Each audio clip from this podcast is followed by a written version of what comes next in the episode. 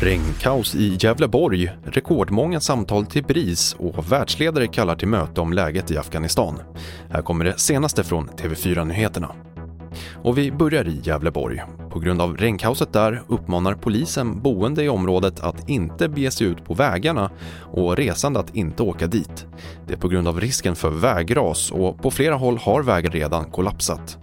Och i Gävle kommun har man valt att skjuta upp skolstarten. Så här sa Göran Arnell som är kommundirektör tidigare idag. Räddningstjänsten som leder arbetet fortfarande uppmanar människor att i den mån det går att vara hemma. Eh, och vi vet ju att kollektivtrafiken är avstängd och så småningom förhoppningsvis kommer igång. Tåg är avstängt. E4, E16 har ju besvär och så vidare och, och många vägar, lokala vägar.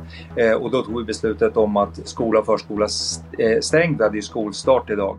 Under det senaste dygnet har över 160 mm mätts upp i Gävletrakten.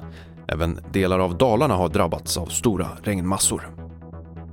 USAs president Joe Biden och Storbritanniens premiärminister Boris Johnson har diskuterat situationen i Afghanistan och kommit överens om att det är viktigt med internationellt samarbete. Därför har de två världsledarna bjudit in övriga G7-ledare till ett möte i nästa vecka. Aldrig tidigare har det kommit in så många samtal till BRIS under ett sommarlov som i år. Nästan 7500 samtal har inkommit i sommar och det är en ökning med 30% jämfört med förra året. Ångest, familjen och nedstämdhet har varit de vanligaste samtalsämnena. Sveriges befolkning ökar långsamt. Under första halvåret ökade befolkningen med knappt 30 000 personer det är mer än 5 000 fler än samma period förra året då Sverige hade den lägsta folkökningen sedan 2005.